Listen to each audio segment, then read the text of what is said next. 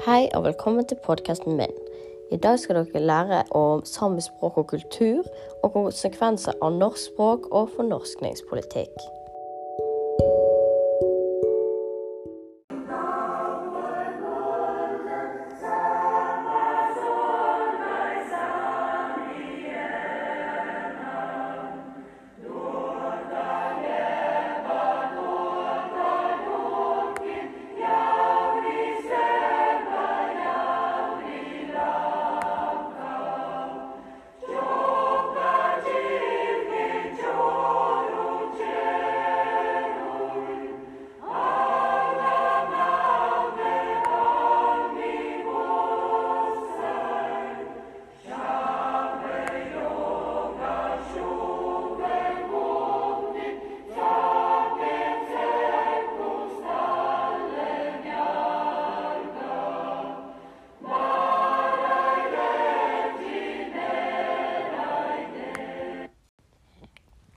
Hadde oss nordmenn klart å gjette oss til hva de sang om uten en oversetter?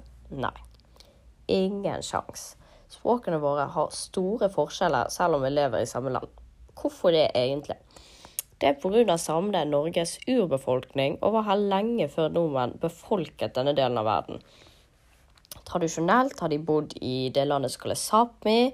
Det er altså områdene nord i Norge, Sverige, Finland og på den russiske Kolahalvøya. De er altså et folk som er spredt over flere land. I Norge har samer bodd i Nord-Norge, Trøndelag og, og i Hedmark. I dag finner man selvsagt òg samer i de fleste norske byer. Det finnes i Norge ingen offisiell registrering av hvem som er samer, og derfor er det vanskelig å si med sikkerhet hvor mange samer som finnes i Norge i dag, eller hvor i landet de bor. Men man regner likevel med at rundt 20 000 samisktalende bor her i landet, og at de utgjør rundt halvparten av den samiske befolkningen i Norge. Nesten alle språk i Europa tilhører den indoeuropeiske språkgruppen. Språk som norsk, svensk, dansk, tysk, engelsk, russisk, polsk, italiensk, gresk, persisk, bare for å nevne noen, tilhører alle den samme språkfamilien. Samisk derimot er ikke et indoeuropeisk språk, men et uralsk språk. Nærmere bestemt tilhører samisk den finsk-ugriske språkfamilien. Og det er i slekt med finsk, ungarsk og estisk. Persisk og norsk er altså mer i slekt med hverandre enn hva samisk og norsk er, som er jo veldig rart siden vi bor i samme land. Forklaring på det er at samer kom til Nord-Norge kanskje 2000 år siden, mens indoeuropeere kom til Sør-Norge for kanskje 4000 år siden, tror de. Men selv om har selvsagt en del norske låneord kommet inn i de samiske språket gjennom tidene. Samisk er egentlig ikke et språk, men en språkgruppe. Det finnes flere typer samiske språk, ganske mange faktisk, med store variasjoner seg imellom. I Norge snakkes tre typer samisk, og det er nordsamisk, sørsamisk og lulesamisk. Sørsamisk finner man i deler av Hedmark, Trøndelag og Nordland fylke. Lulesamisk snakkes først og fremst i Nordland fylke. Eh, disse to variantene finnes òg i Sverige, men er i dag veldig sterkt utrydningstruet. Nordsamisk er mest kjent og brukes av 90% av alle samisktalende. Forskjellen mellom de ulike variantene er så stor at en som snakker nordsamisk og en som snakker sørsamisk, syns det er vanskelig å forstå hverandre. Ofte pleier man å si at forskjellen mellom nord- og sørsamisk er like stor som forskjellen mellom norsk og islandsk. Og jeg forstår i hvert fall ingenting islandsk. Tar man i tillegg med de samiske områdene i nabolandene, blir variasjonen i det samiske språket enda større. Så litt om samisk kultur.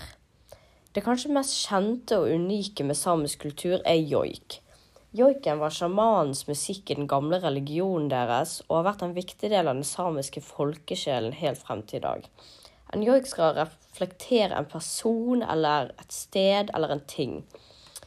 Og de har òg sin egen folkedrakt, nyhetskanal og parlament. De har òg sin egen levevei som reindriftsnomader. Så det er en ganske unik eh, Hva skal jeg si Unik kultur. Så om språket. Selve trekkene i språket til samene. Moderne norsk for eksempel, er jo et ordstillingsspråk. Hva en setning betyr på norsk, bestemmes av rekkefølgen på ordene. Hvis vi sier 'Ida slår Arne', betyr det noe helt annet enn eh, 'Arne slår Ida'. Selv om ordene i de to setningene er jo helt identiske. Samisk er derimot et kasusspråk. I kasusspråk er det ikke rekkefølgen på ordene som bestemmer hva en setning betyr. I stedet bøyer man visse ord og nomen eh, på ulike måter, ut fra hva som er funksjonen til ordet i en setning. Dette er noe samisk har til felles med norrønt språk, det man snakket i Norge frem til ca. 1370. Bortsett fra det er norrønt og samisk selvsagt veldig ulikt. Og samisk har syv forskjellige kasus, eller en måte å bøye ordene på. Et ord i prinsippet kan altså bøyes på sju ulike måter. Dette er jo ganske unikt. Og trykket til samiske ord ligger stort sett alltid på den første stavelsen, noe som òg er vanlig for de fleste norske ord. Men eh, samisk har ikke grammatiske skjønn av typen én hund, ei gate og ett tre. Setningen 'mann boari sodlea', vet ikke om jeg uttalte det rett, kan både bety 'hvor gammel er hun', og 'hvor gammel er han'. Konteksten bestemmer her om det er snakk om en mann eller en kvinne. Værbøyingen er nok det aller mest kompliserte ved samisk, sammenlignet med veldig mange andre språk. Samisk har veldig mange måter å uttrykke bevegelse på, og det går an til å være langt mer presis på samisk enn på norsk. De har seks ord som kan oversettes med å, å løpe, f.eks. Likevel bruker man ulike varianter av ordet, alt ut ifra om man vil uttrykke det som å løpe generelt, å løpe bare én gang, å løpe over tid, å løpe bare litt, for å nevne noen eksempel. Når det gjelder verv, kan man altså uttrykke seg veldig spesifikt og presist på samisk. Så Se for deg at en dag du blir forbudt til å snakke ditt eget språk. Det følger en stor skam med norskspråket, og du kan bli mobbet og til og med miste jobben for å praktisere det. Å være norsk er plutselig helt forbudt, og du vil miste rettigheter hvis du fortsatt snakker det. Akkurat dette skjedde med samene. Noe som oss nordmenn sliter med å skjønne i dag. Hvordan hadde nordmenn så lite empati for samene? Bakgrunnen for det er i hvert fall at midt på 1800-tallet, mens nordmenn drev med nasjonsbygging under nasjonalromantikken, så var det Norge begynte med en tydelig fornorskningspolitikk når det hjalp samer og kvener, som jeg ikke har nevnt. Kvener er et folkeslag som hadde vandret inn fra Finland fra 1500-tallet og utover. Men disse gruppene skulle nå bli norske, for de europeiske holdningene på denne tiden trodde på at én nasjon burde ha ett folk og ett språk. Det ble òg brukt sikkerhetspolitiske argumenter for fornorskningen. Samer og kvener som kom fra Russland og Finland, måttes gjøres norske, sånn at lojaliteten deres lå hos Norge, og at landegrensene da skulle bli beskytta. De var redd for at f.eks. alle samene skulle slå seg sammen og lage en stat, siden de var så spredt. I tillegg var det nok mange nordmenns holdninger på slutten av 1800-tallet påvirket av sosialdarwinistiske tanker. Og de gikk jo ut på at sterke og mer levedyktige samfunn har rett til å leve, men svakere samfunn må tilpasse seg eller forsvinne. Noe som lett fører til undertrykking. Fornorskningspolitikken varte fra midten av 1800-tallet og frem til ca. 1960. Målet var assimili... Det er vanskelig ord. Assimili integrering av samene. Altså det å gjøre samene mest mulig like nordmenn. Myndighetene tenkte at å gjøre det skulle utvikle en sterkere norsk nasjonalfølelse hos samene. Eh, og utover på 1800-tallet ble det vanskeligere og vanskeligere å bruke samisk i skolen, helt til det ble forbudt. I 1898 kom vekst Vekselsen-plakaten, som gjorde det ulovlig for samer å arbeide som lærere i skole hvor det var både norsk- og samisktalende barn. Lærerne ble til og med pålagt å passe på at samiske barn ikke fikk snakke samisk med hverandre i friminuttene.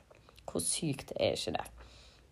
De lærerne som kunne vise at de var ivrige innenfor norskningsarbeidet, ble til og med bedre betalt, og internatskoler ble opprettet etter 1900-tallet for å ta samiske og kvenske barn vekk fra sine opprinnelige miljøer og inn i et norsk et. I 1902 kom en lov som gjorde det forbudt å selge jord i Finnmark til folk som ikke kunne snakke, lese og skrive norsk, og var norske statsborgere. Dette skulle òg fungere som en motivasjon i fornorskningsprosessen.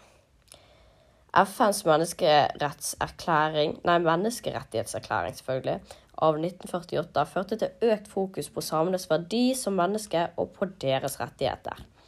De neste 30 årene kom fornorskningspolitikken gradvis til å bli avvikla, selv om det tok mange Det tok masse tid enkelte steder, og i 1963 ble det igjen tillatt med samisk og undervisningsspråk, selv om folk ikke brukte det tilbudet før på slutten av 60-tallet.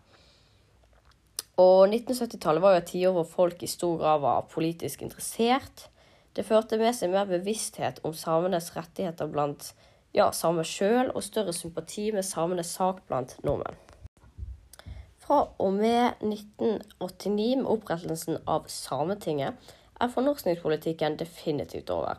I dag har både samer og samisk språk en spesiell posisjon i det norske samfunnet. Fornorskningspolitikken som ble ført overfor samene, er definitivt den mørke siden av nordmenns nasjonsbyggingprosjekt.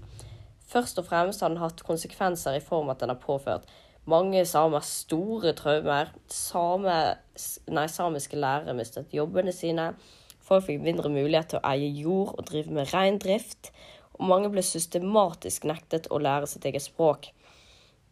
Barn ble tatt vekk fra familiene og sendt på internatskoler for å bli norske. Og mange har levd hele sitt liv som mindreverdige i sine egnes og andres øyne og skammet seg over sin identitet. Flere har i løpet av fornorskingsperioden sluttet å være samer, og heller gitt seg selv en norsk identitet. Som nevnt regner man med at kun halvparten av samene som lever i Norge i dag, behersker samisk. Mange eldre samer som kan snakke samisk i dag, behersker det kun muntlig, og det er fordi de ikke fikk lov til å lære å lese eller skrive samisk i skolen. De som kan samisk i dag, er stort eh, sett eh, tospråklige. De snakker altså både norsk og samisk, og mange bruker nok norsk oftere enn samisk. Sørsamisk og lulesamisk er utrydningstrua, og generelt blir det geografiske området hvor samisk brukes i dagliglivet, stadig mindre. Skulle det overhodet gå an å finne noen lyspunkter når det gjelder disse konsekvensene av fornorskningspolitikken, må det være at alle årene med undertrykkelse har ført til en stolthets- og fellesskapsfølelse blant samer i dag. Og større aksept og respekt fra majoritetsbefolkningen, altså nordmenn f.eks., enn de noen gang har hatt tidligere. De siste tiårene ser det ut som det har vært en slags oppblomstring når det gjelder samisk språk og kultur. Så samer klarer igjen å være stolt over sin kultur. Og ja, embrace it. Så her bare viser det hvor blind Norge ble når, eh, når det kom til nasjonalisme, som har sett veldig mye i historien. F.eks. verdenskriger. Så det var det jeg hadde i dag, og jeg håper dere har lært mye.